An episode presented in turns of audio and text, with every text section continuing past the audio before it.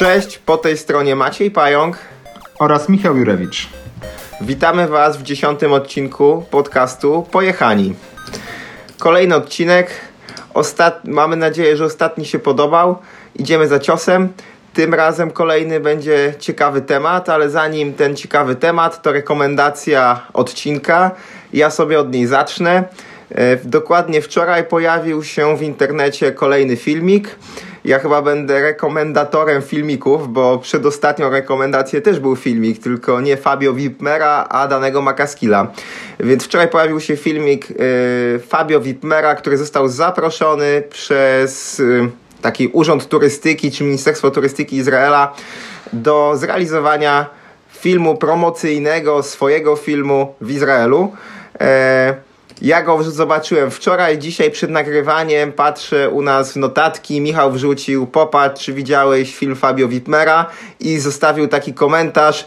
Znam każdą miejscówkę z tego filmu, która została pokazana, a byłem prawie we wszystkich. No więc oddaję głos Michałowi, który już widział film i który zna każdą miejscówkę z tego filmu, żeby powiedział, czy mu się podobał ten film. No tak, tak jak tutaj Pająk wspomniał, e, filmik widziałem. Co ciekawe, był to pierwszy film którego w roli głównej występował Fabio Wibber. Wcześniej znałem tą personę e, z jakichś tam newsów, że przeszedł ze speca do kaniona i coś tam, i coś tam. Uczestnicy szkoleń wspominali jakieś szalone akcje e, tego freeridera. Ja nie widziałem żadnego jego nagrania nigdy, poza właśnie tym wczorajszym, no, które mnie oczywiście zainteresowało, bo NSMB wrzucił na tweeta, że jest nowy filmik Fabio Wibmera z Izraela. I to, co mnie zainteresowało, to nie, że Fabio Wibmera, tylko to to, że z Izraela, bo E, samemu będąc tam wiele razy, bardzo mnie interesuje w takich nagraniach, jakie miejscówki zostały pokazane, e, gdzie był, bardziej to niż tak naprawdę jak tam, jak tam jeździł. I to, co mnie najbardziej zaskoczyło, to to, że przez sześciominutowy, tam ponad sześciominutowy filmik byłem w stanie e, rozpoznać dosłownie każde miejsce, które było, które było nagrane. Trzeba przyznać, że Fabio zwiedził takie główne, e, główne szlagiery e, rowerowe i turystyczne, turystyczne Izraela. Ale już nawet pomijając to, taki sentyment prywatny, że, że każdą miejscówkę znam, powód przyjemnie się oglądało. Bardzo fajna jazda, bardzo fajnie zrealizowany filmik, bardzo dobrze pokazujący co prawda tylko jedną twarz Izraela, tą taką najbardziej egzotyczną, którą też szczerze mówiąc osobiście preferuję, mianowicie ten klimat e, taki typowo pustynny, skalisty, mm, więc widać, że jazda się odbywała głównie na, na południu, e, więc no nie jest to pełny obraz tego kraju, jeśli chodzi o charakter tras rowerowych, czy tak ogólnie jako charakter, ale jak najbardziej bardzo fajny i bardzo się przyjemnie, przyjemnie oglądało. Myślę, że też całkiem fajnie oddaje charakter miejsca ten, ten, ten filmik, to nagranie. E, ponieważ ty pająk w ogóle go nie widziałeś tego filmiku, czy całego nie widziałeś? Wczoraj widziałem taki był trailer tego filmu, czyli 60 chyba sekundowa zajawka 6-minutowego filmu. Dzisiaj pierwsze dwie minuty udało mi się gdzieś go zobaczyć. To jedno co mogę powiedzieć to e, nie do końca wszystkie miejsca poznałem, bo poznałem tylko Eilat, ale y, styl jazdy Fabio jest dokładnie taki jak zawsze, czyli połączenie umiejętności trialowych y, z takim mocnym freeridem i dużo schodów. Jak zawsze dużo schodów. Czyli tak zwany jibbing, bo właśnie chciałem do tego nawiązać, że typowy, typowy oldschoolowy jibbing. Eee, znasz, znasz skąd, jest, skąd jest to określenie, czy nie? Nie mam zielonego pojęcia, miałem ci właśnie pytać, A. bo zakładam, że część słuchaczy też może zupełnie go nie znać. No to w czasach, kiedy każdy szanujący się filmik frajdowy zawierał e, gościa na monocyklu i jeden segment Rayana Licza, czyli bardzo dawno temu, powstał taki film Jeep GIB, licho wie jak się to czyta, ale jazdę e, w tym stylu pokazano na tym filmiku e, sami tam twórcy, czy ci, którzy występowali na, nazywali jibbingiem i Właśnie chodziło o jazdę MTB na takich dużych zjazdówkach, dużych freeridówkach w przestrzeni miejskiej, czyli jakieś hack to flat z ogromnych schodów, wszelakie jakieś dropiszcza na trawniki i takie tam e, parkowo-miejskie miejskie klimaty. E, więc jak zobaczyłem właśnie wczoraj na tym filmiku e, różne zeskoki ze schodów, jazda tyłem po schodach, jakieś takie trzy szóstki z murków i tego typu klimaty, no to rzeczywiście takim dobrym oldschoolem to, to zajechało właśnie z bardzo wczesnego freeride'u MTB, e, co jest na faktu, że bardzo fajnie się oglądało i całkiem, całkiem ciekawe. Może trochę sztuczne niektóre takie ala gangsta segmenty, e, taka stylizacja Fabio Wibera na taką niepokorną gwiazdę rocka, e, ale spoko, spoko z przymrużeniem oka. To ja mam właśnie problem z tą taką stylizacją na niepo, nie, niepokorną gwiazdę rocka. To znaczy, o ile w tym filmiku z Izraela nie wiem jaki udział tych schodów i tych miejskich klimatów jest, to ostatni, poprzedni film e, z Lyonu i z Paryża jest taki stricte miejski i wszystkie jakieś tam jeszcze e, segmenty jakby krążące po internecie gdzieś tam z tych scen e, to making offów tak zwanych, czyli jak to kręcili, że gdzieś ochrona goni, pyta czy mają pozwolenie i tak dalej, no to to jest całkiem ciekawe, rzeczywiście takie oldschoolowe, ale z drugiej strony znowu prowadząc tą szkółkę rowerową, mam zawsze z tyłu głowy, kurczę, że te dzieciaki to oglądają i potem one po mieście, chociażby po Wrocławiu, dokładnie tak samo będą próbowali jeździć, no, bo już tak y, trzeba się dobrze dopatrzeć, że te sceny, tam ludzie stoją i biją brawo, bo to jest zabezpieczone, ma tam ekipę 10 osób, która tam ustawia ludzi, pilnuje, żeby ktoś na te schody nie wszedł, a tutaj mali kamikadze nie będą mieli 10 osób takich takich, wiesz, z obsługi stafu, który będzie tam pilnował, żeby nie wyjechał jakiś samochód, albo żeby po prostu oni kogoś tam nie, nie przetrącili. Więc tu mam taki zawsze pewnego rodzaju, no, taki niesmak, że kurczę, super fajna jazda, ale, ale edukacyjnie słabo, no. Więc taki się ode mnie, we mnie taki dziad odzywa, że kurczę, po murkach jeżdżą, najgorzej. No tam po murkach, po murkach, to mi tam bez znaczenia tam, że po tych ludziach. Widać, to jest spontaniczne niczym nieudane próby danego makaskilla na pokazach, czyli w ogóle nie spontaniczne. To strasznie kuje po oczach. E, rzeczywiście przekaz jest tam słaby, jakieś takie tam niby omijanie jakichś tam pieszych na, na centymetry gdzieś przy jakichś zeskokach z, e, z tych, z, ze schodów. Tak jak mówię, no, w moich oczach się to broni tym, że, e, że jest to widać, że to jest ukartowane i ustawione no po prostu tragicznie, e, ale no, jakby najbardziej rozumiem tą ideę, że to potem może przekazywać trochę e, słabą wiadomość dalej i trochę tutaj, nie robić takie kojarzenie rowerzystów z jakimiś takimi rozjeżdżaczami ludzi w mieście, ale już bym tam nie przesadzał, no jednak chyba coraz bardziej ludzie są przyzwyczajeni, że e, fantazja i filmy to jedno, a rzeczywistość to drugie. Wiesz co, ciężko mi się tego odnieść, bo nie oglądam żadnych innych filmików oprócz tych gwiazd, ale z tego co mówią te dzieciaki na szkółce, no to są takie gwiazdy internetu trochę mniej popularne niż Fabio albo Dany, które później wrzucają takie filmy robione komórką właśnie z rozjeżdżania ludzi, więc, więc myślę, że w tym pokoleniu gimbazy, która w zasadzie już odchodzi do lamusa, bo nie ma gimbazy, to jeszcze no, nie do końca potrafią odróżnić właśnie to takie chamskie i tragiczne ustawianie scen, jak ty to nazywasz, a to, co później się rzeczywiście może stać, więc, więc no nie to... jestem tak do końca przekonany. No, bo to jest rzeczywiście duży, duży problem e, kreowanie takiego słabego wizerunku rowerzysty, który rozjeżdża ludzi. Był taki e, sławny film linkowany przez Pink Bike'a, gdzie właśnie jakiś gościu też w Lyonie na tych schodach, gdzieś tam jakiś ziomków e, praktycznie przejechał, jeszcze wrzucił to do internetu i się i się tym chwalił.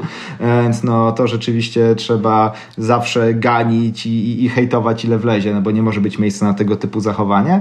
Ale wracając tutaj do filmiku, e, o którym mówimy, czyli tego Fabio Wibera w Izraelu, e, który jeszcze raz bardzo, bardzo polecam. Tam była też taka scena, którą wiem gdzie była, ale nie byłem tam na rowerze i na pewno nie będę tam na rowerze i jest to dowód na to, że sponsoring Caniona daje dużo rowerów. E, bo była taka akcja, jak, jak właśnie Fabio przeskakuje na solarach Morza Martwego z takiej jednej wyspy solnej na drugą wyspę solną i w tym pierwszym ujęciu takim pokazanym od góry, to tam nie widać tego, ale potem są takie ujęcia pod koniec tego filmu od boku z powierzchni wody i widać, że to jest po prostu tak do osi w tej solance, e, no to nic nie mogło zostać z tego roweru po, na drugi dzień, czy tam dwa dni później. To, to po prostu ręczę, że to był po prostu grat do wyrzucenia ale ujęcie bardzo malownicze i bardzo fajne. Okej, okay, kolejna rekomendacja z moim dziadowym podejściem, ale niech będzie. Myślę, że na tym możemy ją zakończyć. E, link do filmu oczywiście wrzucimy w notatkach do odcinka, które znajdziecie na pojechani.emtb.pl. I teraz możemy przejść do tego głównego tematu. Ten temat odcinka, który, a, drugi, a druga rekomendacja, czy, czy nie robimy drugiej rekomendacji? Nie robimy drugiej rekomendacji, zostawmy sobie coś na potem. Ja zakładam, że wiesz, z tysiąc odcinków co najmniej nagramy, więc musimy mieć trochę tych rekomendacji. Hmm, to myślałem, że to wiesz, że będzie, jeden, że będzie zawsze jeden news, jedna rekomendacja od ciebie, a jedna jedno ode mnie, że sobie dwa na, na, na odcinek możemy polecieć na takiej zasadzie, że co ty polecasz ostatniego tygodnia, co do ciebie dotarło, a co do mnie dotarło. Mm, ale rzeczywiście, no, dzisiaj możemy sobie to odpuścić na takiej zasadzie, że mamy trochę większy temat, e, główny temat odcinka. Ten główny temat odcinka jest też teraz skorelowany z tematem od słuchaczy, bo jeden ze słuchaczy wysłał do nas pytanie, e, żebyśmy przedstawili taką drogę od pomysłu do realizacji na single tracka, albo w zasadzie na trasę rowerową. Mm, I ten temat mieliśmy już zanim ten słuchacz nam, nas poprosił o ten temat, już mieliśmy go też w naszych notatkach, więc po prostu byliśmy ciut bardziej zmotywowani, żeby, żeby go zacząć realizować. Mówię zacząć realizować głównie dlatego, że na pewno w tym jednym odcinku całego tematu e, nie pociągniemy. Założyliśmy sobie wstępnie, że podzielimy to na pięć różnych odcinków, które niekoniecznie będą jeden po drugim. Raczej będzie to cykl, który po prostu co kilka odcinków będziemy wracać do tego tematu i e, kolejne elementy tego tematu omawiać. Dzisiaj na pierwszy strzał, na pierwszą rozprawę z tym tematem będzie pomysł na trasę rowerową, czyli e, jak po prostu w ogóle jak wpaść na pomysł, co brać pod uwagę, czy ten pomysł ma w ogóle sens. E, od czego zaczniemy, Michał? Więc tak, no ja bym tutaj może podsumował, dlaczego w ogóle zaczynamy od czegoś takiego jak pomysł na single track, bo to zazwyczaj jak ktoś nas pyta, jak doprowadzić do realizacji, to znaczy, że już jakiś tam pomysł ma, że już wpadł na ten, jak, że już wpadł na ten pomysł, że chce, żeby powstała nowa trasa, nowa ścieżka rowerowa e, w lesie obok. A my chcemy tutaj specjalnie wrócić do, te, do tej fazy pomysłu, często pomijanej, bo dobrze przygotowany pomysł na tą trasę przede wszystkim ułatwi późniejsze etapy e, do realizacji ścieżki trasy, czyli przede wszystkim dobrą komunikację z inwestorem, zarządcą terenu, ze środowiskiem rowerowym, innymi użytkownikami e, danego tam terenu, nazwijmy to leśnego, czy ogólnie rekreacyjnego. I ponieważ bardzo często ta faza pomysłu jest pomijana, i jest dużo różnych niedomówień czy błędnych założeń, no to właśnie chcemy trochę sobie o niej, e, o niej, o niej tutaj powiedzieć. I czegoś, czego nie miałem w swoich przemyśleniach, w swoich notatkach, a przed chwilą wspomniałeś, jak wpaść na ten pomysł, to tutaj pytanie w takim razie do Ciebie odbiję. Jak wpaść na pomysł, żeby wybudować nową trasę w najbliższej okolicy? To znaczy najczęściej pomysł chyba bierze się z pewnego rodzaju potrzeby i tutaj też zaczyna się śliski temat, bo e, często jest tak, że jak chcemy, żeby jakaś trasa powstała, no to musieliśmy mieć pewnego rodzaju mm, czy to motywację, czy inspirację jakąś na przykład inną trasą, czy inną miejscówką, tak? Mieszkamy sobie w danym miejscu i wiemy, że gdzieś tam 100 czy 200 kilometrów dalej są naprawdę fajne trasy. Też chciałbym mieć te fajne trasy pod domem. Więc wydaje mi się, że jedną z możliwości jest po prostu taka inspiracja innymi miejscami. Inspiracja tym, co widzimy w internecie, chociażby znowu na filmach czy zdjęciach na Facebooku od kolegów i tak dalej. E, Często jest też to po prostu zwykła potrzeba tego, żeby mieć gdzie pojeździć w okolicach domu, tak? Mam same szerokie szutry pod domem, nie mam żadnych górek, nie mam żadnego pump tracka, no nie ma totalnie nic. Chciałbym, żebyśmy mieli gdzie jeździć i mówię tu specjalnie mieli gdzie jeździć, bo pierwszą podstawową rzeczą, którą znowu ty jeszcze wspomniałeś przy przygotowaniach, jeżeli mamy pomysł, żeby zrobić trasę tylko i wyłącznie dla siebie, to powinniśmy chyba go zarzucić. I teraz pytanie, dlaczego Michał? A, jeżeli mamy taka... pomysł, jeżeli no, mamy pomysł tylko i wyłącznie, że chcemy część, dla siebie. To jest taka dłuższa część tak naprawdę motywacji, e, że jak już mamy pomysł, to, to dlaczego chcemy to, dlaczego chcemy to zrobić? I tutaj rzeczywiście wybrałeś tą motywację, e, bo chcę mieć fajną trasę, chcę mieć gdzie pojeździć. To jest bardzo duża pułapka. Tak jak bardzo dużą pułapką jest e, bardzo taka ins bezpośrednia inspiracja jedną miejscówką, czyli na przykład widzieliśmy fajnie nam się jeździło, załóżmy, no nie wiem, na wakacjach w Świeradowie, po, po single trackach w Świeradowie i nagle chcemy, nie wiem, u siebie pod Poznaniem dokładnie powtórzyć, zrobić identycznego rodzaju e, trasy, że takie same, praktycznie takie same, tylko w innym miejscu. To są to plus to, co wcześniej powiedziałem, z tą zrobienie trasy pod siebie, to są największe pułapki już właśnie w tej wczesnej fazie pomysłu, które mogą spowodować, że końcowa realizacja będzie co najwyżej mierna e, już tam gotowej, gotowej trasy. I dlaczego to są takie, takie pułapki?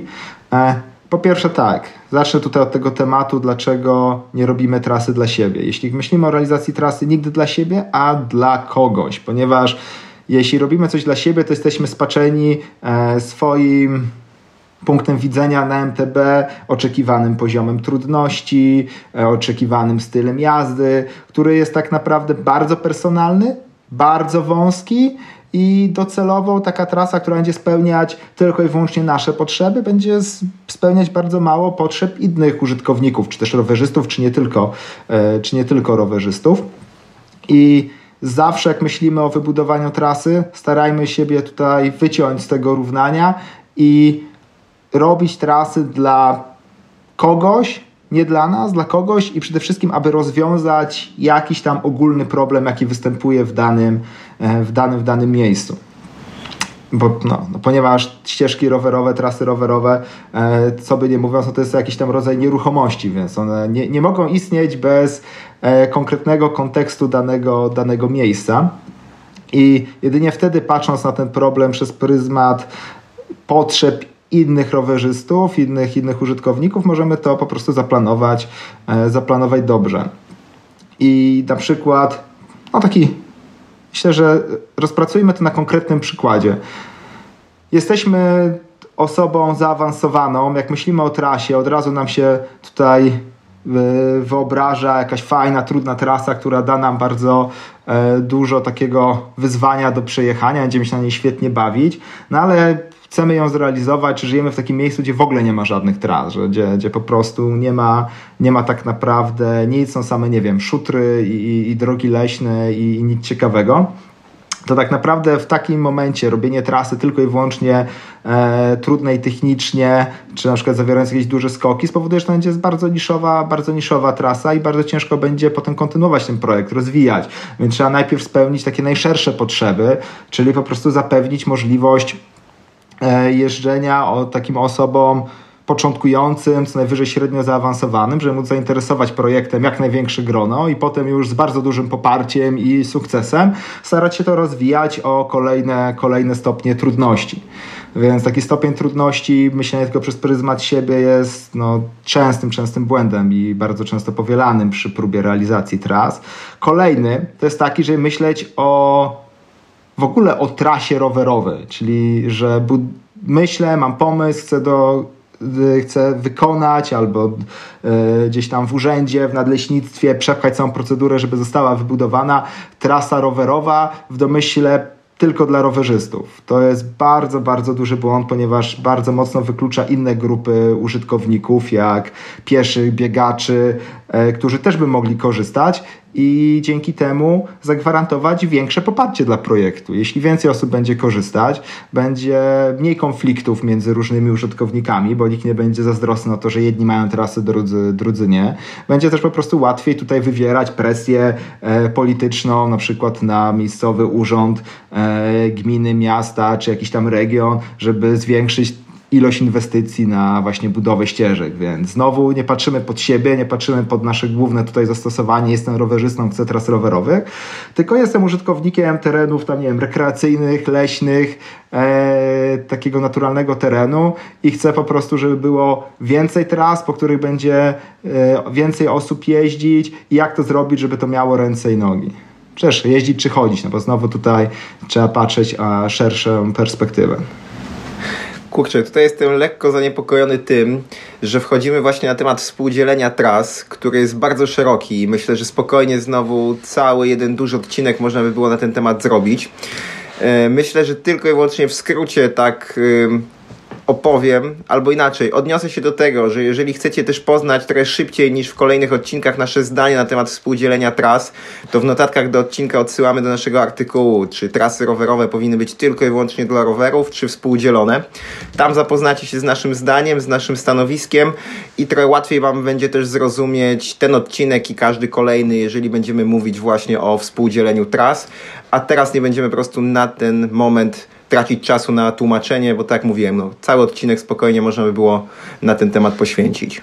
O tym jeszcze w tym odcinku powiemy, myślę, bo, że jak zdążymy oczywiście, jakie są takie domyślne cechy trasy, ale na razie, żeby uprościć zrozumienie nas, myślę, że możemy po prostu wprost powiedzieć, że trasy współdzielone to są domyślne trasy. Jeśli myślimy o jakiejś trasie single trackach, trasach zrównoważonych, one powinny być współdzielone, czyli tak samo dostępne dla rowerzystów, jak i biegaczy, e, spacerowiczów itd. Tak itd. Tak Dlaczego? Bo jest bezpieczniej, mniej konfliktów, e, mniej jest teren obciążony i tam jeszcze szereg różnych innych powodów, o których właśnie tutaj podlinkujemy do artykułu, będzie można przeczytać, ale jeśli nie ma naprawdę bardzo specyficznych przeciwwskazań, zawsze jak mówimy o trasie e, rowerowej, mówimy tutaj o ścieżkach współdzielonych z innymi e, użytkownikami.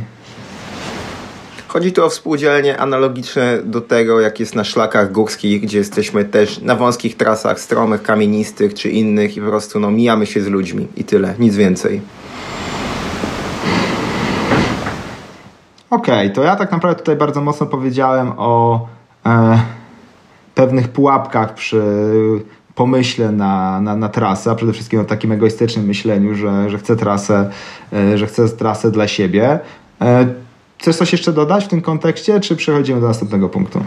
W kontekście pomysłu myślę, że możemy to, to, to zostawić. Znaczy w kontekście pomysłu, ale bardziej tych pułapek, myślę, że możemy przejść do tego, na jakie pytania nawet trzeba sobie odpowiedzieć, bo jest szereg pytań, które należy sobie zadać jako temu pomysłodawcy i temu, te, te, tej osobie, która będzie gdzieś tam przepychać powstawanie tych tras. Mm na dużo pytań trzeba sobie odpowiedzieć. No, pierwszym takim pytaniem, na które już trochę też odpowiedziałeś, może być, jaki poziom trudności powinna mieć ta trasa. Więc tutaj w zależności znowu, czy będziemy, czy, czy, czy już mamy w okolicach mnóstwo tras, które udostępniają teren. Czy ma to być dla szerokiego grona odbiorców, czy nie? Musimy sobie po prostu odpowiedzieć na, na pytanie, jaki poziom trudności ma teraz. I teraz co wziąć pod uwagę do tego, żeby odpowiedzieć na to pytanie? Jest szereg czynników. E, postaram się je tutaj wymienić. Po mhm. pierwsze, tak naprawdę musimy wziąć pod uwagę, czy w okolicy najbliższej są inne trasy, po których rowerzysta może się poruszać. Druga rzecz. Czy w okolicy są na przykład miejsca, gdzie jest zupełnie po prostu zakazana jazda na rowerze i tych rowerzystów po prostu, ci rowerzyści w ogóle nie mają gdzie jeździć? Trzecia rzecz. Czy to ma być trasa na przykład dla szerokiego grona odbiorców, czy może na przykład spełniać tylko i wyłącznie potrzeby jednego klubu sportowego, gdzie będą trenować przyszli przyszłe nowe włoszczowskie XC na przykład. Kolejną rzeczą musimy także się zastanowić, czy ona ma być po prostu no, stricte rekreacyjna, czy ma podnosić cały czas tylko i wyłącznie nasze umiejętności jazdy, czyli być też treningowa, ale w jakiś sposób dla szerszego grona. Czy kolejna rzecz, czy jesteśmy w stanie tymi trasami rozwiązać pewne problemy właśnie, czy to komunikacyjne na przykład, bo czasem się też tak zdarza, że w danym miejscu trasa nawet stricte turystyczna może rozwiązać jakiś program, problem komunikacyjny. To jest dużo małych rzeczy, które które musimy wziąć sobie pod uwagę. Te rzeczy najlepiej sobie wypisać, wszystkie za i przeciw. Najlepiej sobie po prostu zrobić taką mini analizę wszystkich tych punktów i spróbować sobie odpowiedzieć na to pytanie na możliwie, mm, od, udzielić dużo odpowiedzi na, na to jedno pytanie. Od tego okay, bym tak poczekaj, naprawdę poczekaj. Trochę zaczął. Cię tutaj, trochę cię tutaj powstrzymam, bo przeleciałeś tutaj przez punkty z notatek, a kresowy prezenter y, PowerPointa na szkoleniach unijnych może, żeby jednak jak postarać się jakkolwiek odpowiedzieć tak trochę konkretniej niż odpowiedzcie sobie na pytania i co dalej. Przejdźmy po kolei przez te, przez te pytania i postarajmy sobie odpowiedzieć na jakimś wy, wy, wymyślonym przykładzie. Okej. Okay. E, Okej, okay, no dobra, to w takim razie po kolei. jaki poziom trudności trasy? To musimy najpierw zacząć od tego, jakie w ogóle mogą być. Trasa może być bardzo łatwa, po której będą mogły przejechać tak obrazowo e, dzieci, rodziny z dziećmi, niemalże na rowerach po prostu nie stricte górskich, a nawet trekkingowych, gdzie takim odpowiednikiem takiej trasy byłby, byłaby trasa na Kaczy Dołek w, w Świeradowie Zdroju, czyli od granicy w kierunku centrum ścieżek po, po czeskiej stronie. To jest taka mhm. chyba jedna z najprostszych tras, jakie mogą być. Kolejnym jakimś takim poziomem trudności trasy, znowu odnosząc się do Świeradowa, to byłyby po prostu wszystkie inne ścieżki w Świeradowie, które są single trackami, czyli czy Zajęcznik, Czerniawska Kopa yy, i tak dalej. Po prostu już jest jakieś nachylenie, da się zdobyć trochę prędkości zupełnie nie pedałując. Kolejnym jakimś takim mm, progiem trudności trasy, no to by była no, śmiało coś Tutaj tam może ci dałem magiczne znaki, bo chciałem wciąć się w słowo, bo doszliśmy tutaj do takiej lekkiej pułapki yy, semantycznej, mianowicie odnośnie, że trasy, które są single trackami w Środowie. Chodzi nam o to, że które są nazywane oficjalnie jako nazwa brandingowa, a nie jako, e, a, nie, a nie jako rodzaj. Bo to, co to jest single track, to będziemy pewnie zaraz tutaj mówić, e, ale tutaj tylko taka gwiazdka, że jak mówimy o single trackach w Świeradowie, nam po chodzi o branding tych oficjalnych tras rowerowych. To tak, tyle. więc kolejny, kolejny poziom trasy, nazwijmy to flow trailami ogólnie rzecz ujmując, czyli trasy w dalszym ciągu są takie no w pełni zbudowane, dosyć gładkie, ale już mają trochę większe nachylenie, mają wyższe bandy, mają więcej miejsc, w których można wyskoczyć, większe odwrócenia nachylenia, większe garby i tak dalej. Kolejnym znowu jakimś elementem to już mogą, czy kolejną półką to mogą być trasy, które już bardziej będziemy nazywać nie mm, w kontekście tutaj właśnie brandingu single trackami, tylko już trasami, które mają po prostu, są w dalszym ciągu, w dalszym ciągu zrównoważonymi trasami, ale są ciut trudniejsze.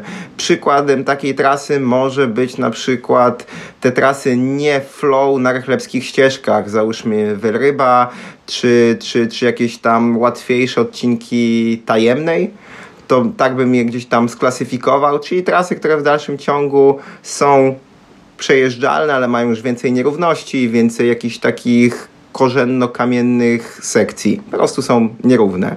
No i w dalszym ciągu można by było gdzieś te trasy tam posuwać coraz wyżej do coraz to stromszych, coraz bardziej nierównych, gdzie gdzieś załóżmy tym szczytem trudności tras takich ogólnych, mm, które, które gdzieś można by w dalszym ciągu nazwać zrównoważonymi. Można było spokojnie na glebskich ścieżkach pokazać jako Wallace, ten na samej górze, który jest rzeczywiście już trudny technicznie, jest, jest dużym wyzwaniem, ale w dalszym ciągu bez większych ingerencji jest w stanie no, parę dobrych lat przetrwać i, i, i być no, w dalszym ciągu taką samą trasą, nie zmieniającą się zbytnio. Pytanie do Ciebie, gdzie byś ustawił tą poprzeczkę jeszcze najwyżej, jako te trudne trasy, ale w dalszym ciągu, które można by określić zrównoważonymi trasami? Okej, okay, więc ja tutaj wrócę, bo przede wszystkim e, chcę wyjaśnić parę rzeczy, bo przyznaję, że pewne takie często używane, ja rozumiem jakby Twoją motywację, że chcesz mówić trochę językiem naszych słuchaczy, ale mnie strasznie ten brak e, precyzji no, mierdzi, czy po prostu przeszkadza, e, więc po pierwsze bym od razu tutaj z mojej perspektywy powiedział, że nie ma czegoś takiego, że trasy zrównoważone, nazywane często no, trochę, trochę dziwnie, ale już powiedzmy single trackami, mają jakiś określony poziom trudności. Nie, nie mają. I po prostu zaczyna się on od tego, że jesteśmy w stanie przejechać, e, że jest w stanie przejechać osoba zupełnie początkująca na jakimś, no prawie, że nawet, nawet nie rowerze górskim, tylko trekkingowym, a kończą się tam, gdzie już nie jest w stanie nikt przejechać, tak? No, najtrudniejsza, najtrudniejsza trasa to jest po prostu nieprzejezdna trasa, więc jeśli dopóki, dopóki jesteś w stanie przejechać, no to jest, jest, jest okej, okay, tak? Że może być wąskie grono użytkowników, ale nadal jest to trasa go po prostu dla wąskiego grona użytkowników. I teraz jest tutaj pytanie, dla jakiego grona użytkowników chcemy daną trasę, sieć tras y, przygotować, więc ja to, czy trasa jest zrównoważona, czy nie, to już jest tak naprawdę no, zupełnie niezależnie od poziomu trudności, bo może być trudna, która jest bardzo mocno zrównoważona, a może być po prostu łatwa, która się e, rozsypuje i tak naprawdę patrząc po tych trasach ostatnio otwieranych, budowanych, bardzo często mamy ten przypadek, że trasa jest łatwa, ale nie jest zrównoważona, bo się po prostu sypie ze względu na e, erozję spowodowaną, e, spowodowaną wodą. Więc upraszczając trochę tutaj do tras łatwych, yy, średnio zaawansowanych, trudnych, bardzo trudnych, jaki poziom powinniśmy w takim razie wybrać? No załóżmy, że jest to pierwsza trasa, jaką chcemy tutaj, żeby powstała taka e, wybudowana z myślą też o rowerzystach. Jaki poziom trudności powinniśmy sobie wybrać? Wszystko zależy od tego, jakie mamy trasy w okolicy. Jeśli mamy trasy łatwe, mamy dużo łatwych, wybudujmy coś bardziej, e, bardziej trudnego. Jeśli mamy taką sytuację jak w Świeradowie e, na no, ponad dekadę temu, zanim single tracki tutaj powstały, mianowicie, że były trasy super hardkorowe albo asfalty, potrzebowaliśmy tras łatwych, zostały wybudowane trasy łatwe, które po prostu uzupełniły tą ofertę. Tutaj trzeba po prostu odpowiedzieć na potrzeby. Co mamy i w jaki sposób możemy udoskonalić to, co mamy, uzupełnić, żeby było bardziej, e, bardziej różnorodnie. Okej, okay, to w takim razie jeszcze z tym poziomem trudności tras mm, wiąże się pewnie też trochę odpowiedź na pytanie dla kogo. Więc pytanie, jak, od, jak odpowiedzieć sobie na pytanie dla kogo? Tak, i dla kogo tutaj znowu jest wieloplanowe, bo dla kogo to dla kogo w kontekście rowerzystów, czy dla początkujących, zaawansowanych, średnio zaawansowanych, jeżdżących raz na tydzień, jeżdżących e, codziennie, tak? Bo jeszcze oprócz poziomów jakby technicznych mamy poziomy kondycyjne. Można sobie wyobrazić kogoś, który po prostu jeździ bardzo dobrze, bardzo dobrze technicznie, słabo, słabo kondycyjnie, więc trasa może być trudna technicznie, ale nie może być po prostu za trudna, e, za trudna kondycyjnie, więc tutaj mamy dużo aspektów już w samym środowisku rowerowym, e, tutaj wyrażanych głównie zaawansowaniem, jeśli chodzi o technikę jazdy, ale i kondycję. Ale owszem, mamy potem dla kogo, jeśli chodzi o inne grupy użytkowników, czyli możemy tutaj, czy piesi jakie mają potrzeby piesi, jakie powinny być uwzględnione potrzeby pieszych. Pieszych mamy też w kilku rodzajach, bo mamy pieszych takich spacerowiczów, mamy pieszych biegaczy, pieszych nordic walking, załóżmy, że to wszystko są piesi, no poruszają się, poruszają się na nogach. Każdy ma inne tak naprawdę tutaj e, potrzeby i dużym błędem byłoby, ok, jak każdy ma inne potrzeby, to dla każdego zróbmy osobną trasę, postawmy zakazy, niech każdy sobie jedzie po, chodzi, jedzie, chodzi po swoich, tak? To wtedy każdy będzie miał spełnione swoje potrzeby. Owszem, jakbyśmy mieli zupełnie nieograniczony teren, i zawsze można byłoby dojechać w to miejsce, gdzie ktoś chce do, dotrzeć, w to miejsce, gdzie ktoś chce dotrzeć, to w teorii może by się dało coś takiego pogodzić, ale że zazwyczaj mamy dodatkowe ograniczenia, to nie ma sensu tutaj wprowadzać potem, przekładać tych ograniczeń na, na użytkowników i po prostu jeśli możemy na danym terenie zrobić załóżmy 30 km tras, to niech każdy, każda grupa użytkowników ma dostęp do tych 30 km tras, a nie każda grupa po 2 km, bo nikt nie będzie, nikt nie będzie zadowolony. E, I tutaj znowu no, trzeba po prostu dokonać takiej szybkiej analizy kontekstu, kto korzysta z terenu, jakich mamy, e, jakich mamy tutaj możliwych użytkowników i zaoferować im rozwiązanie. O, okay. może jeden taki protip bym dodał, że, który jest często pomijany. To, że biegacze i rowerzyści mają bardzo często zbliżone potrzeby, bo poruszają się wbrew pozorom z podobną prędkością na większości e, tras, po, jaki, po jakich jeździmy. E, dodatkowo też jakby jak wychodzą pobiegać, to wychodzą pobiegać, żeby pobiegać, a nie żeby dojść gdzieś do jakiegoś miejsca. W przeciwieństwie do spacerowiczów, którzy sobie idą na wieżę widokową, do restauracji, do schroniska, gdzieś tam sobie, e, to tak biegacze właśnie jak rowerzyści po prostu wychodzą, żeby pobiegać. Rowerzyści wychodzą, żeby pojeździć, już nieważne gdzie, nawet jak zrobią pętlę i nigdzie sensownie nie dotrą, to i tak, nie dotrą, to i tak będą, będą zadowoleni ze swojego wyjścia z domu. Więc tutaj też warto pamiętać, że niektóre grupy użytkowników bardzo dobrze ze sobą e, korelują na danej trasie, a niektóre trochę, trochę gorzej, trochę, trochę jest to trudniej połączyć. Więc tutaj na przykład turystyka konna jest trochę trudniejsza w e, połączeniu z innymi grupami, bo wymaga trochę więcej pewnych zabiegów projektowych i budowlanych, żeby zapewnić też atrakcyjność dla właśnie takiej turystyki konnej. No tak i przede wszystkim jeszcze w kontekście turystyki konnej to te konie są takim najsłabszym ogniwem, po prostu boją się i pieszych i rowerzystów, więc patrząc na przykład Stanów Zjednoczonych to, to ten, ta osoba poruszająca się na koniu jest najbardziej uprzywilejowana, to znaczy jej się ustępuje, jej się schodzi z drogi i uważa, żeby nie przestraszyć konia. U nas jest to też trochę zupełnie inaczej, bo tych tras takich stricte dla koni jest bardzo mało, a poruszanie się po, po lesie koniem w założeniu jest tylko i wyłącznie dozwolone na trasach wyznaczonych właśnie do tego celu. Więc całe szczęście nie jest to popularny, całe szczęście nie jest to popularny sport i nie mamy tych problemów, tych problemów u nas i z perspektywy rowerzysty, pieszego, to przyznaję, że raczej się cieszę, tak? Tak patrząc właśnie już teraz samolubnie, gdzie tylko, tylko pod siebie. Wiadomo, że jak ktoś tutaj jest zainteresowany turystyką konną, no to ma trudniej, to ma, to ma gorzej, ale tutaj już wracając do tych konkretów, dla kogo, no to na przykład już połączenie takich potrzeb byłoby dużo, dużo trudniejsze, co nie znaczy, że niemożliwe, bo, bo jak najbardziej jest to możliwe, tylko trzeba byłoby to sobie dobrze przemyśleć. A może się okazać, że w danym miejscu na przykład e, zawiązanie sojuszu z jakimś klubem turystyki konnej, jeżdżenia konno mogłoby na przykład ułatwić realizację trasy w danym miejscu, więc to może się okazać, że jest to niezły sojusznik do, do rozważenia, jeśli chodzi o przekonanie już potem ewentualnego inwestora za inwestowanie pieniędzy. Można sobie też zadać takie pytanie, o którym już wspominałem, jakie problemy rozwiązują, czy rozwiązuje budowa tras. Jakie mogą być te problemy? No, pierwszym problemem może być to, że po prostu rowerzyści nie mają gdzie jeździć, więc jeżdżą wszędzie tam, gdzie są inne grupy użytkowników i na przykład tym innym użytkownikom w jakiś sposób przeszkadzają. Pomijmy już teraz, czy przeszkadza sama ich obecność, czy przeszkadzają dlatego, że styl jazdy i brak poszanowania dla tych innych użytkowników jest taki, a nie inny, ale budowa tras może po prostu zmniejszyć ruch na przykład na tych mocno obleganych trasach czy ścieżkach, najbliż, które są najbliżej miejsca zamieszkania osób w danym miejscu i po prostu skierować ten ruch trochę dalej. Ten ruch skierować trochę dalej też dlatego, że mm, rowerzysta ma zupełnie inny zasięg niż taka osoba spacerująca na piechotę. Rowerzysta, który się tam przemieści 2-3 km dalej od jakiegoś tam w cudzysłowie punktu startowego, yy, w ciągu 10 minut, 5 minut po prostu już znika z obszaru, gdzie jest ten największy ruch pieszy. Czyli można także budową tras yy, fajnie sterować tak naprawdę umiejscowieniem i rowerzystów na danym obszarze.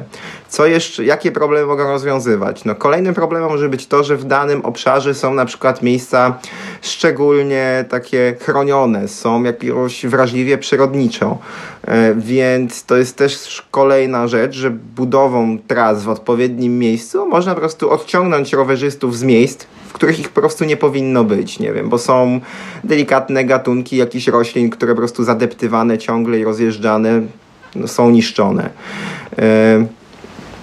Kolejnym jeszcze elementem, co, można, czym, co może rozwiązać budowa tras, to także powstawanie tras nielegalnych, to też i, i dzikich, to też jest pewnego rodzaju problem. Jak w, w, danym miejscu gimbaza nagle zbuduje po prostu skocznie z powbijanymi patykami, że jak ktoś się gdzieś tam przez przypadek znajdzie, to się po prostu mocno uszkodzi. Więc jeżeli będą zbudowane ciekawe i dobre trasy, no to tak naprawdę najczęściej problem budowy tych dzikich tras się rozwiązuje, no bo jeżeli już mamy po czym jeździć, jeżeli ta gimbaza też będzie miała po czym jeździć, jej jakieś potrzeby będą e, z, po prostu spełnione, no to oni już nie będą musieli kopać tych niebezpiecznych tras, tylko po prostu będą jeździć po tym, co zostało zbudowane. To znowu Jeszcze jakieś problemy widzisz? To przede wszystkim bardzo mocno zawęziłeś temat, bo znowu to spojrzałeś, jestem rowerzystą albo środowiskiem rowerowym, my tutaj jeździmy i chcemy jeździć więcej e, i, i mamy tutaj problem z, jakby z zagospodarowaniem pewnej grupy użytkowników, której potrzeby nie są, e, nie są w jakimś tam e, stopniu spełnione. Ale bez dobrej infrastruktury ludzie po prostu w ogóle nie jeżdżą. Czyli przede wszystkim pierwszy problem, jaki może rozwiązać budowa nowych, nowych ścieżek, nowych tras, to jest to, że po prostu zachęcimy ludzi do korzystania z tych tras, do wyjścia, do wyjścia z domu. I tutaj mamy szereg problemów, rozwiąza rozwiązanych problemów społecznych, zdrowotnych, no bo aktywny wypoczynek, hobby e, powoduje, że e, społeczeństwo w danym miejscu, które korzysta z tych ścieżek, rusza się je zdrowsze, zdrowsze fizycznie i zdrowsze psychicznie, jak potwierdzają, jak potwierdzają badania. I na przykład, a to widać bardzo dobrze w miejscach, gdzie nie było fajnej infrastruktury do spędzania E, czasu na łonie przyrody, czyli weźmy przykład kaczawskich ścieżek, gdzie tak naprawdę w lesie były głównie drogi leśne i, i szutry. No nie było tam jakiegoś żywego środowiska rowerowego. E, a po wybudowaniu tras to się zmienia. Coraz więcej osób jeździ, coraz więcej osób zaczyna jeździć. To pfu, tutaj kaczawskie ścieżki. Przykład Świeradowa też jest taki, gdzie nie było tak naprawdę, albo inaczej. Nawet jak były trasy bardzo dobre, ale dla wąskiej e, grupy użytkowników albo nieciekawe. Nieciekawe to te szutry i asfalty. Te dla wąskiego grona to te super trudne trasy, trasy górskie, szlaki górskie. To środowisko rowerowe tutaj się kończyło na dwóch, trzech szaleńcach, a środowisko takie ogólnie piesze, turystyczne, też to było jakieś tam nie, kółko PTTK, 10 osób. Nikt, nikt z tego nie, nie korzystał, bo nie było po prostu ciekawych, e, ciekawych alternatyw. W momencie, kiedy powstały trasy e, single tracki pod smrekiem, jak powstały ramtraki, powstało też oznaczenie niektórych tras, pomysły innych tras, już tak nie, nie tylko rowerowych, nagle się okazało, że poza turystami e, tutaj lokalnie wykształciło się bardzo duże takie ugrupowanie osób, które korzysta z tego i nagle zaczęło spędzać czas na świeżym powietrzu i żyć po prostu, po prostu zdrowiej, więc pierwszy problem no to jest rozruszać zasiedziałe, zastane, e, zastane społeczeństwo w danym miejscu. Drugi problem, jaki, jaki można rozwiązać, to czysto ekonomiczna sprawa. To też znowu przykład, przykład Świeradowa, innych miejsc, gdzie teraz nie była, trasy powstały. E, jeśli stworzymy dobrą infrastrukturę, to ona będzie bardzo dobrym produktem turystycznym i naprawdę dziesiątki tysięcy osób zaczną przyjeżdżać, przyjeżdżać no, w ciągu roku, których trzeba obsłużyć, więc my mówimy tutaj o noclegach, mówimy o e, wyżywieniu, a to wszystko generuje dodatkowe miejsca pracy w danym regionie, więc można po prostu zapomniany region bez innych alternatyw bardzo dobrze rozruszać i zapewnić zastrzyk pieniądza. I to są tak naprawdę duże problemy, które można, e, które można rozwiązać budowanie nowych ścieżek, e, takich tak zwanych single tracków e, właśnie tutaj w danej okolicy. Okej, okay, no czyli rozszerzyłeś to, co ja powiedziałem, czyli to, co ja powiedziałem z perspektywy stricte rowerzysty, który no, ma problem ewentualnie z jakąś tam jazdą, z miejscem do jazdy, jeszcze o takie szersze spojrzenie całego społeczeństwa, tych, którzy zaczną jeździć, ale tych którzy mogą korzystać na tych, którzy będą jeździć na rowerze w danym miejscu. I to jest rzeczywiście jest to tak, że jakby trochę szersze spojrzenie, ale przede wszystkim mm, ciut bardziej długodystansowe, no bo na pewno zbudowanie trasy tu i teraz jednej małej nie, na, nawet nie mm, no nie spowoduje od razu napływu dziesiątek tysięcy osób, ale już zrobienie ciekawej sieci single tracków i rozwijanie jej może się przyczynić do tego. No tak, ale, zapewni, ale żeby zapewnić ruch jakiejś tam społeczności lokalnej, czy dodatkowo możliwość dodatkowego hobby, to już aż tak dużo nie trzeba, bo e, warto tutaj wziąć sobie do głowy taką myśl przewodnią e, imby, głównej imby amerykańskiej, która jest e, w ostatnim sezonie bardzo mocno lansowana, czyli żeby podchodzić do single tracków jak do infrastruktury sportowej, takiej gminnej, miejskiej, no każdej innej. Czyli jak fajnie jak każda gmina ma boisko i fajnie jak każda gmina ma basen, tak samo fajnie jakby każda gmina miała jakąś infrastrukturę fajną do spacerowania, do biegania i do jazdy na rowerze.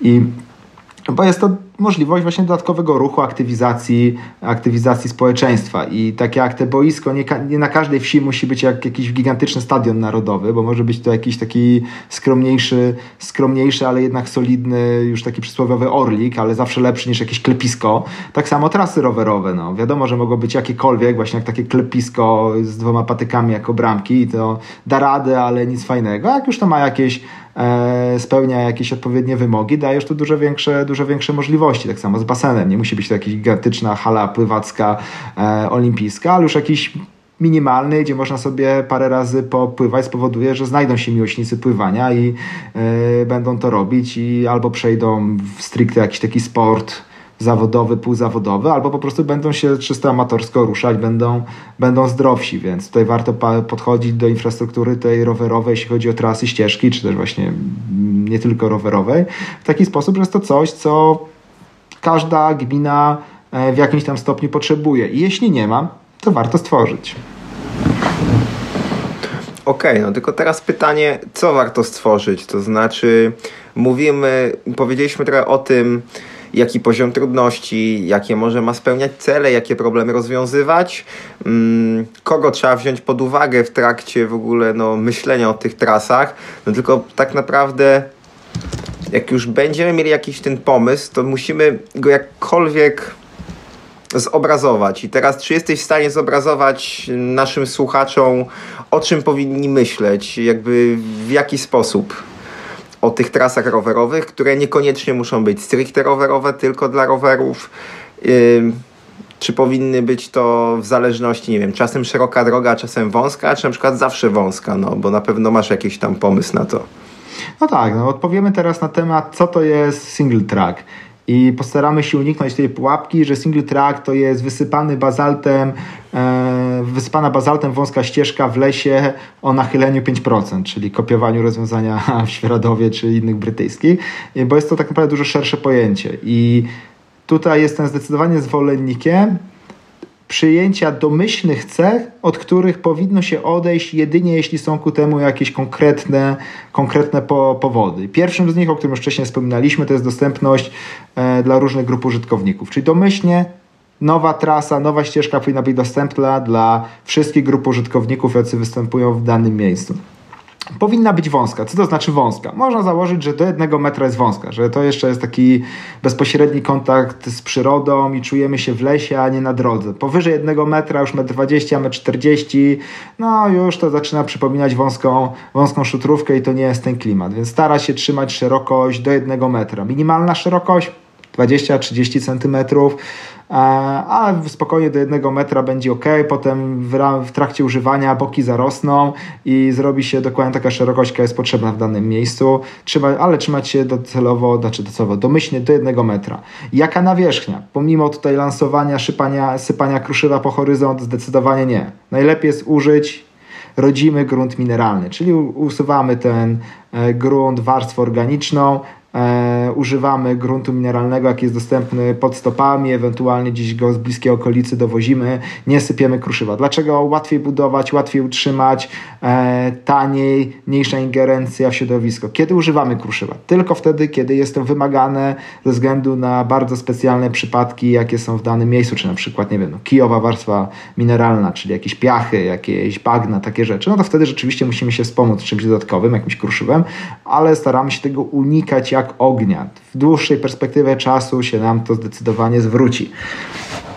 Jaka powinna być, jeśli chodzi o kierunkowość? Znowu, wbrew takiemu obiegowemu pojęciu o single trackach, że to jednokierunkowe trasy rowerowe, domyślnie zawsze sugeruje zakładanie single tracków jako tras dwukierunkowych. Dlaczego? Żeby nie ograniczać możliwości, tak? Jeśli jesteśmy w stanie dojechać z punktu A do punktu B, no to fajnie by było z punktu B do punktu A też jakoś dojechać i niekoniecznie nadkładając pięć razy więcej drogi, tak? No bo co by nie mówić, część osób jeździ po, po trasach, żeby sobie pojeździć i zrobić długą pętlę, ale czasami te same osoby albo inne osoby zazwyczaj będą tego, z tego korzystać jako korzystnego dostania się z miejsca A do miejsca B. Dojazd do szkoły, dojazd gdzieś tam, dojazd do paczkomatu i żeby nie musiały po prostu nadkładać drogi albo łamać jakieś zasady jednokierunkowości, więc załóżmy, że domyślnie e, dwukierunkowe.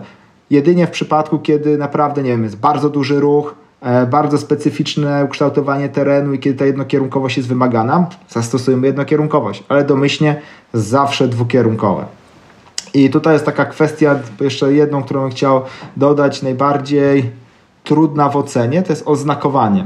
Trzeba się zawsze zastanowić, czy oznakowanie jest tak naprawdę konieczne. I domyślnie tutaj bym przyjął już taką dość progresywną postawę, która jest lansowana e, przez takie kraje bardzo mocno zaawansowane się w budowę e, różnych tras, single tracków e, na terenach górskich, leśnych, czyli przyjąć, że domyślnie, jeśli nie ma konieczności, staramy się unikać oznakowania. Czyli została, jest ścieżka, ma jakiś tam swój branding, ma swoje wytyczenie na mapach, najlepiej na mapach wirtualnych, żeby nie było problemu z aktualizacją tych map, a po prostu idziemy trasą, czytamy mapę, używamy aplikacji, docieramy tam, gdzie chcemy dotrzeć, a oznakowanie tak naprawdę i tak byłoby potrzebne tylko przy pierwszym przejściu, bo potem i tak każdy chodzi na pamięć, więc e, oznakowanie tylko wtedy, kiedy wiemy, że jest, no, że byłoby niezbędne. Tak, kiedy, co to znaczy niezbędne? bardzo dużo skrzyżowań, bardzo gęsta sieć, blisko miasta, konieczność jakiejś właśnie tutaj e, bardziej uregulowanego ruchu, jednokierunkowość i tak dalej, to powoduje, że to znakowanie staje się coraz bardziej konieczne, ale staramy się zawsze dążyć do tego, żeby było go jak najmniej, a najlepiej wcale.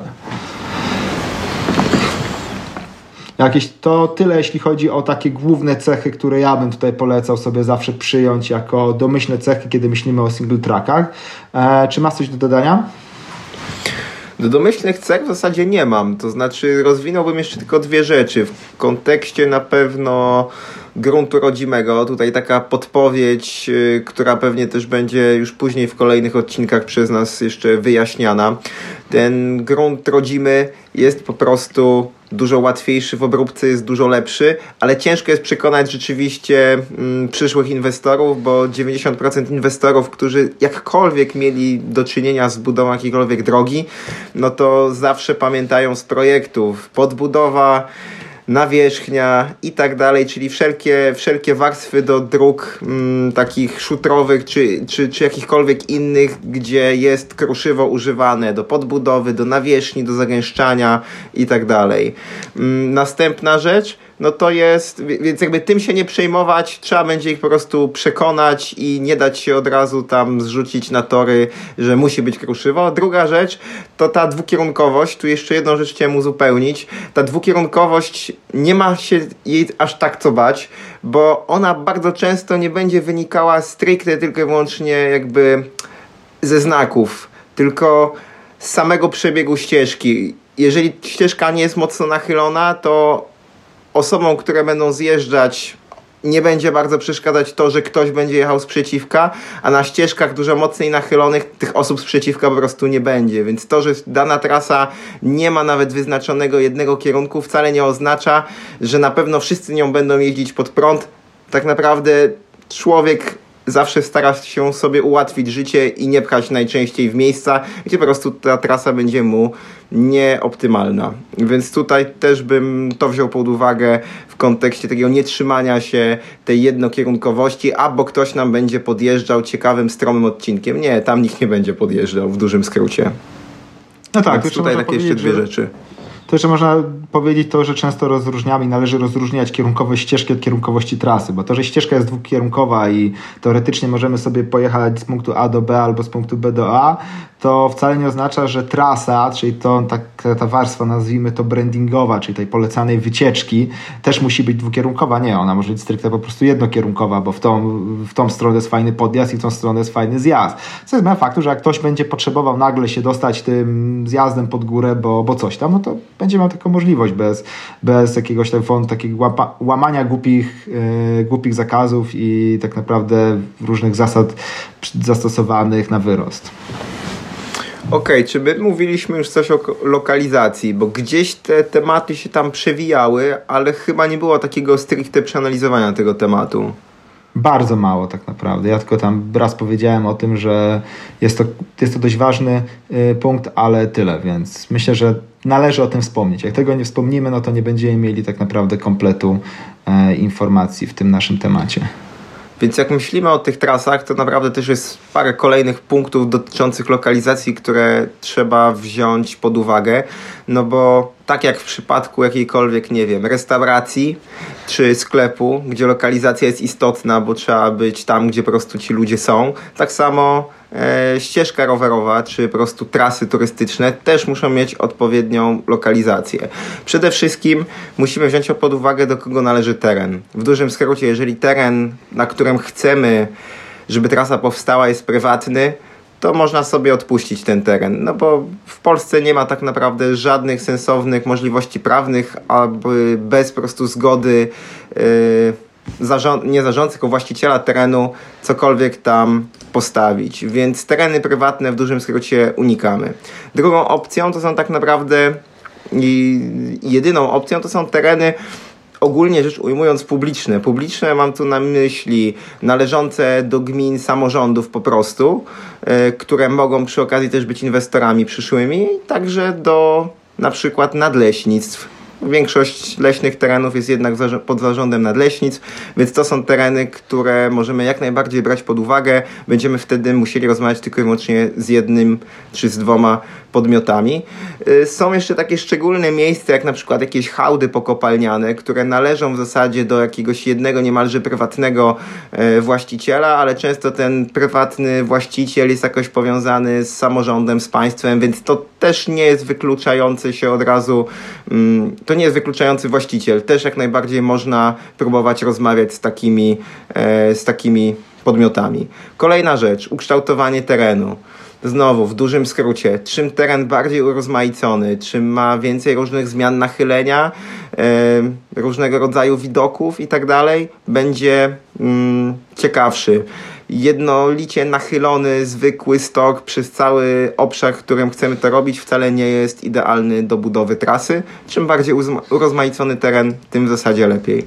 Kolejna rzecz, kwestie środowiskowe, które jesteśmy w stanie także sprawdzić, no to są kwestie czy to parków narodowych, czy rezerwatów, które w zasadzie dyskwalifikują na samym początku już pomysł na budowę. Owszem, jest to możliwe, ale dużo trudniej jest no, po prostu wszelkie procedury przejść, aby w takich miejscach trasa powstała. Później Natura 2000, czy jakiekolwiek tereny leśne, czy gminne już są dużo łatwiejsze, więc to da się sprawdzić w odpowiednich e, warstwach Generalnej Dyrekcji Ochrony Środowiska. Są takie mapowe portale, też pod, podlinkujemy. Mm, kolejna rzecz, jeszcze w kontekście lokalizacji. No musimy wziąć pod uwagę to, czy, te, czy, czy to będą to, co chcemy zbudować, czy stworzyć, to będą totalnie nowe trasy, czy będą to trasy na przykład jakkolwiek połączone z istniejącą siecią. E, jak najbardziej uważam, że warto łączyć nowe trasy, które chcemy zbudować z tym, co już istnieje, żeby nie dublować pewnego rodzaju rozwiązań komunikacyjnych. Jeżeli jesteśmy w stanie podjechać na dany szczyt jakąś ciekawym, mało nachylonym podjazdem, to nie ma na przykład konieczności, żeby budować równolegle do tego podjazdu dokładnie taki sam podjazd, tylko obok single trackiem. Po prostu jesteśmy w stanie korzystać z innymi użytkownikami.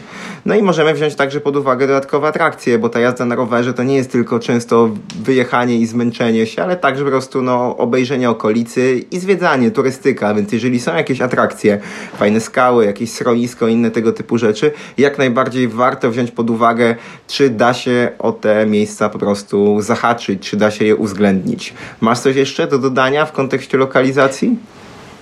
Tak, ja bym trochę położył większy nacisk na pierwszy punkt, który powiedziałaś, ale tak trochę przez niego przemknąłeś szybko. Mianowicie mhm. to, że ta lokalizacja jest ważna, żeby była atrakcyjna, żeby nie nabrać się na coś, na co się nacięło wielu.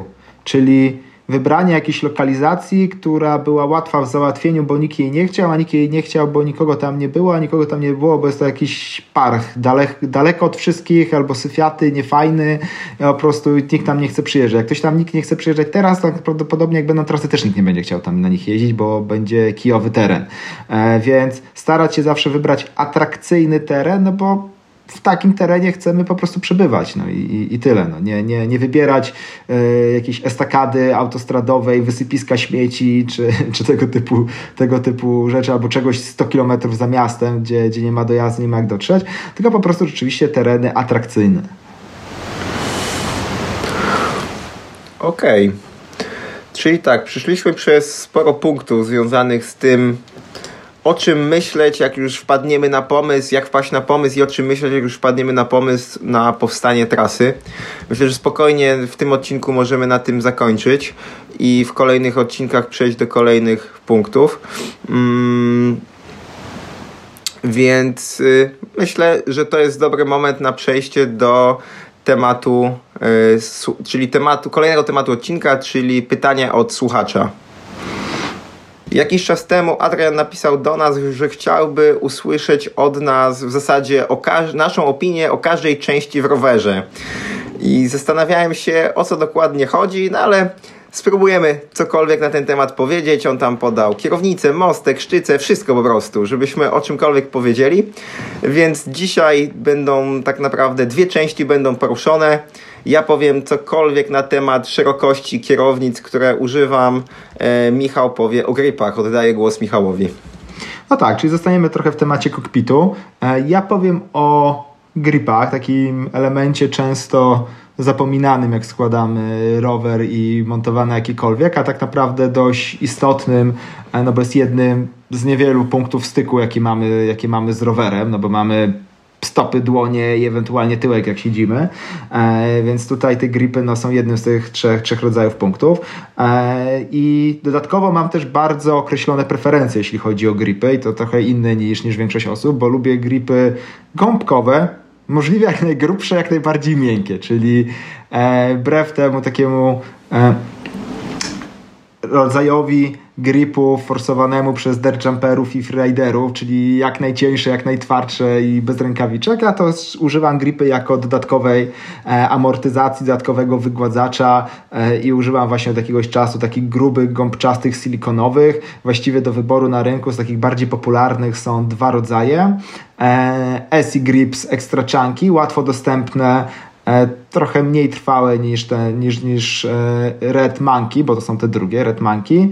I Red Monkey jeszcze sprzedawane, w, przebrandowane jako Wolf Tooth Components, mają też wersję jeszcze grubszą niż e, Extra Chunky SE Grips i obecnie na tych, na tych jeżdżę. I przez to ręce mi się nie męczą, bardzo wygodny chwyt, nie mam odcisków, dodatkowa amortyzacja, jestem bardzo, bardzo e, z tego zadowolony i jak ktoś nie próbował gąbkowych gripów, to myślę, że mogę polecić spróbowanie. Nie, nie uważam, że będzie to dla każdego najlepsze rozwiązanie, ale warto, warto spróbować.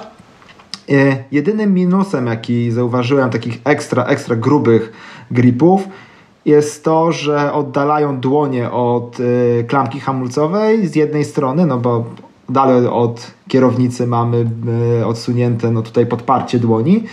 No i też jest mniej miejsca na ruch klamki hamulcowej no, od strony no, między kierownicą a klamką. Przez to nie można mieć tych klamek tak super, super blisko, bo po prostu zaczynają haczyć o, e, o chwyt, o chwyt kierownicy, o grip.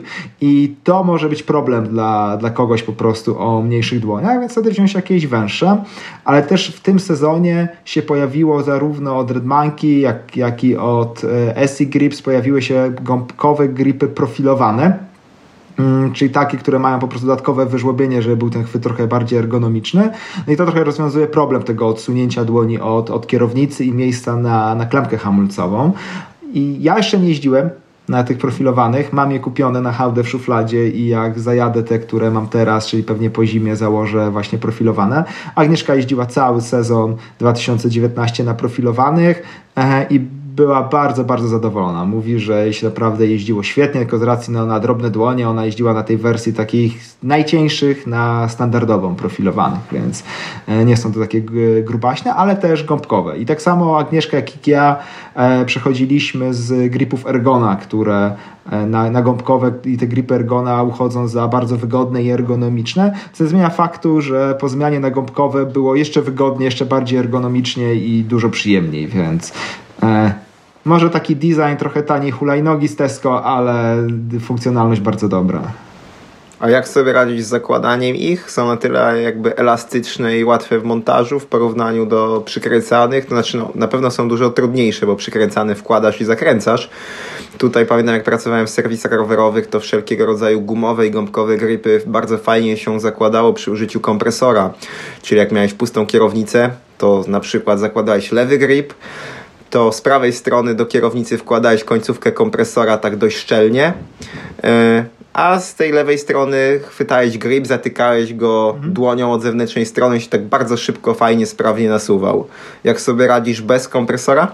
Przy gumowych rzeczywiście takie tego problemy. Przy gąbkowych nie ma, bo jak są te gąbkowe, one nie są tak naprawdę gąbkowe, poza tanimi e, takimi chwytami w hulajnodze z Tesco, e, tylko one są silikonowe, to jest spieniony silikon i spieniony silikon ma, w ogóle silikon ma to do siebie, że go spsikasz jakimś takim odtłuszczaczem do hamulców, jakimś izopropylenem i takimi rzeczami, po prostu jakimś alkoholem, e, to się robi bardzo śliski i psikasz obficie i nakładasz no, w ćwierć sekundy. Po prostu psikaj to jest wiesz, zupełnie śliskie, obraca się, a przez to, że jest to spienione, więc podejrzewam, że no, jest jakiś przejście powietrza przez ten, przez ten grip, no to po prostu odparowuje ten alkohol bardzo szybko i po pół minuty są jak, e, jak przyklejone. Dopiero jak się już tak mocno zużyją, zaczynają się coś tam obracać i to już jest taki moment już trzeba trochę myśleć powoli o, o wymianie, e, ale montaż jest bardzo szybki. Demontaż jest upierdliwy. To rzeczywiście jakby mm, takie A też gripy... wpuszczasz?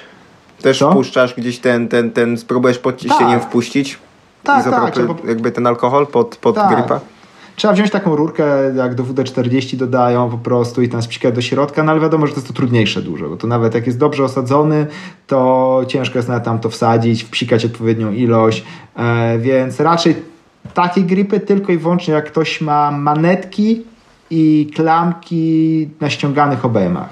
Że jest w stanie po prostu ewentualnie te rzeczy z kokpitu ściągnąć nie przez E, nie przez gripa, więc e, tylko i wyłącznie w takiej sytuacji, bo jeśli jakikolwiek serwis, nie wiem, manetki, klamki czy coś miałby oznaczać, że trzeba ściągać te gripy, no to byłaby mordęga, to to zupełnie nie ma, nie ma sensu, ale jeśli mamy rzeczywiście obejmy otwierane na manetki i na, i na klamki, to zdecydowanie warto spróbować.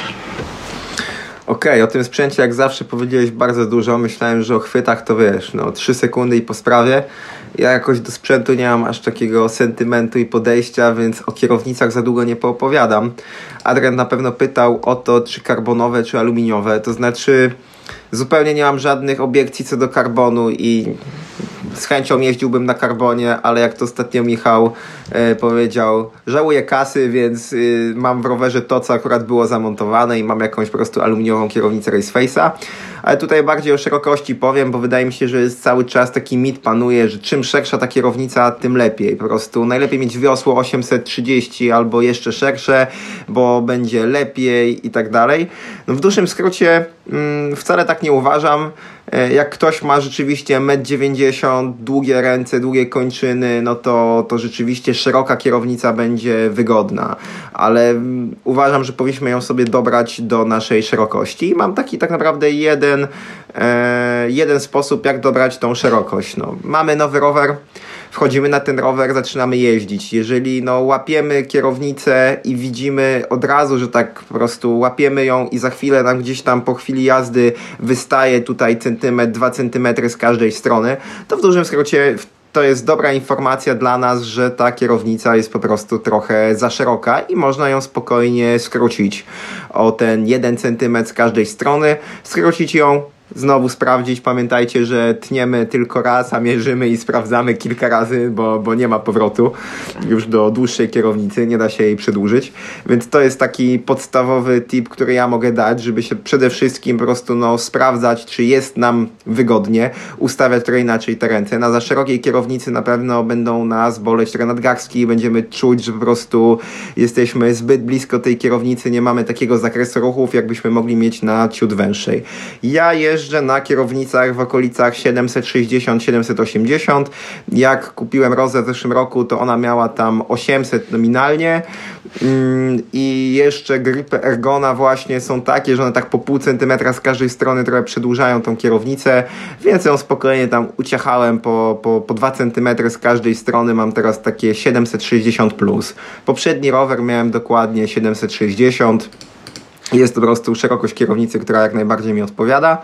Tutaj jeszcze taka jedna informacja, no żeby jeżeli mamy w ogóle zamiar mm, zmieniać długość wspornika kierownicy, no to dobrze jest się chwilę wstrzymać z cięciem kierownicy, bo czym krótszy mostek, jeżeli zmienimy na przykład z jakiejś 60 na taką 40 czy 35 po prostu, gdzie kierownica będzie dotykać rury sterowej, no to ta szerokość kierownicy, która będzie dla nas wygodna, może się trochę, trochę zmienić.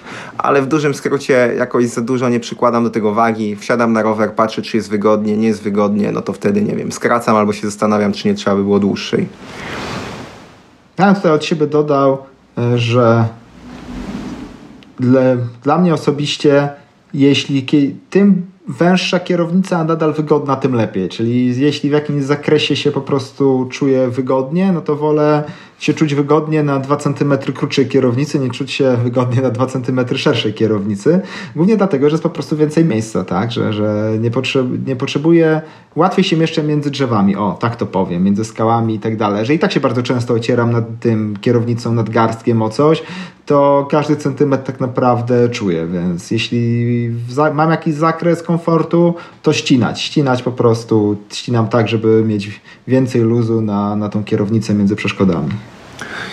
Rzeczywiście jest tak, że te centymetry na kierownicy, każdy centymetr czuć. Jak y, miałem tą oryginalną kierownicę w Roze, która była 800, to po prostu małe palce obu rąk, co chwilę gdzieś ocierałem o, o drzewa albo z nimi się zderzałem.